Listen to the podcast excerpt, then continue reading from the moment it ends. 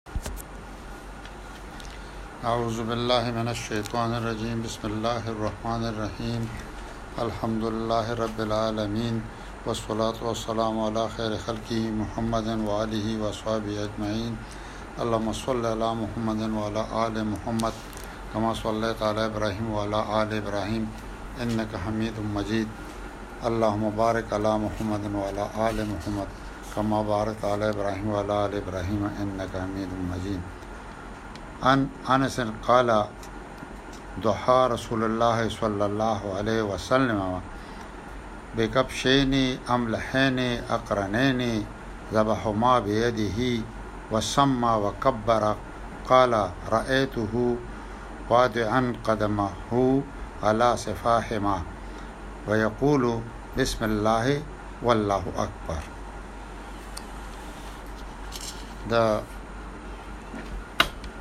اختر د قربانې مقرره روانه ده نو د هغه په حواله سره احادیث باب شروع کو باب فت اضحیه د قربانې باب دې کې لومبي حدیث چې موږ بیان کو انس رضی الله تعالی عنہ وای چې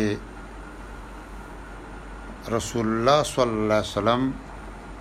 قرباني وکړه د دو خکرو والا چې دوه خکرو والا سارویو ګډ او په خپل لاس سره هغه ذبح کړل او نوم یې پې د الله واغشته او بړایي بیان کا او وای ما کتل چې هغه هغه په مره سره د پاسه په خپکه خودا او ده فرمایل چې یقول بسم الله والله اکبر یعنی چاړه راخکلو کې دا په دا کو همدغه شان یو بل حدیث عائشہ رضی الله عنها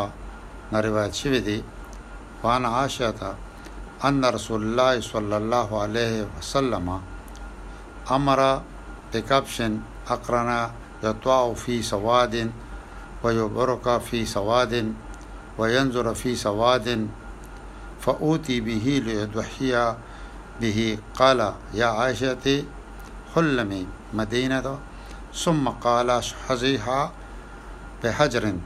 فعلت ثم اخذها واخذ الكبش فاذبحجه ثم ذبحه ثم قال بسم الله اللهم تقبل من محمد وآل محمد ومن امت محمد ثم دعا به عائشہ رضی الله تعالی عنها روایت کوي چې بشکا رسول الله صلی الله علیه وسلم د یو ښکر والا د تور تور چې رنګ یې تور وي او د ښکر والا د ګډ حکم ورکړ چې راولی او چې هغه راوسته چې او دا ورته چې هغه په توروالي باندې کینی یعنی چې مطلب خېټه هم توري او په توروالي باندې ګوري مطلب چې سترګو خوشم توري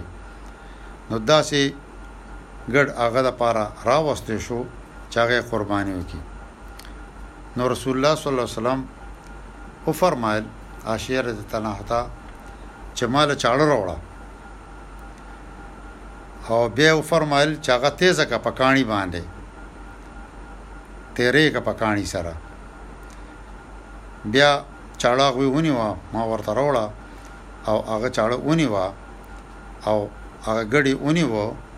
او سمیلو او د زباکور چې کله اراده وکړه نو دا الفاظ وی چې بسم الله اللهم تقبل من محمد و آل محمد و من امت محمد ثم دحا به دا الفاظ چې وی نو بیا پس دا غنه په چاړه راخکا دا غي قرباني وکړه چې دا وی فرمل چې بسم الله اے الله قبول که دا د محمد صلی الله علیه وسلم د طرف نه د هغه د اهل او عیال د طرف نه او د محمد صلی الله علیه وسلم د امت د طرف نه یعنی دا یو قربانی د خپل نه دا یو قربانی دا څوکړه چې دا د ټول لپاره مشترک وکړه چاغي کې د امت موږ هم چې کله قربانی کوو نو پکار چې دا الفاظ موږ زده کو چې بسم الله اللهم تقبل من ورپسې نمونه واخلو چې چا جا د طرف وی چې د هغې نومونه واخلو دا یو دوه ټکي زوتول پکار دي بسم الله اللهم تقبل من چې سس نومونه د چا پکې شرکت ته کې आवाज ده یوازې نوم واخلي که دوه کسانو ده که دوه کسانو ده دا غوې د پینمونه واخلي او پس دا غنه په چاړه راکاږي نو دې کې مونږ ته لک شانتي تربيت او خودل شو د دغه د ساروي د لالو او بل حدیث کې راځي وان ابن عمر قال کان نبی صلی الله علیه وسلم یذبه وینحر بالمصلى یی د مازه عیدګاه کې با عمر رضی الله تعالی روایت کې چې نبی کریم صلی الله علیه وسلم با قربانی چې کوم دا د عیدګاه سره کولا کوم ځای کې چې مونږ کو مونږ نو فارغ شو د هغه ځای کې به قربانی کوونه وعن جابر رضی الله تعالی عنہ ان نبی صلی الله علیه وسلم قال البقره عن سبعه والجزر عن سبعه جابر رضی الله روایت کوي چې بشک نبی صلی الله علیه وسلم او فرمایل چې غوا د وو کسانو طرفه ده او اوخم د وو کسانو طرفه کفایت کوي یعنی یو غوا کې غټ ساروي کې او په اوخ کې وو کسانو پورې شریک دیش دا یو بل حدیث مبارکه دی وعد وعن ام سلمة قالت قال رسول الله صلی الله علیه وسلم اذ دخل عشرو اراد بعضكم ان يضحي فلا يمس من شعره وبشره شيئا وفي روايته فلا يخزن شعرا ولا يقلمن ظفرا وفي رواية من رأى هلال ذي الحجة وأراد أن يضحي فلا يأخذ من شعره ولا من أظفاره ام سلمة رضي الله تعالی عنها روايت کوي چې رسول الله صلی الله علیه وسلم او فرمایل چې څو وخت د ذوالحجې ړومبی عشره داخله شی نو تاسو که چه کوم کسان د قربانی اراده لری نو هغوی دی خپل ویخته او خپل نوکونه نه لری کړئ بلکل دی دا نه کټ کړئ لری کړئ دی نه او یو بل روایت کې راځي چې ویخته دی نه کټ کړئ او نوکونه دی نه اخلي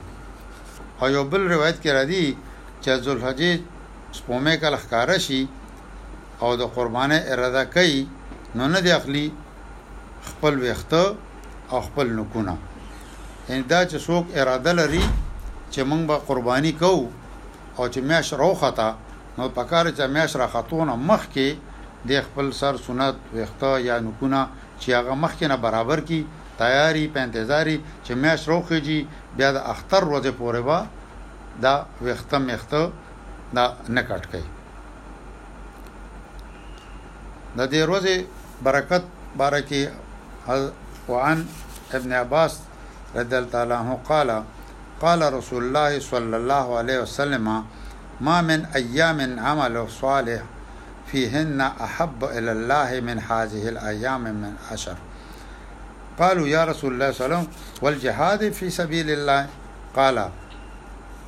ولا الجهاد فی سبیل الله الا رجلا خرج بنفسه وماله فلم یرجع من ذلک بشیء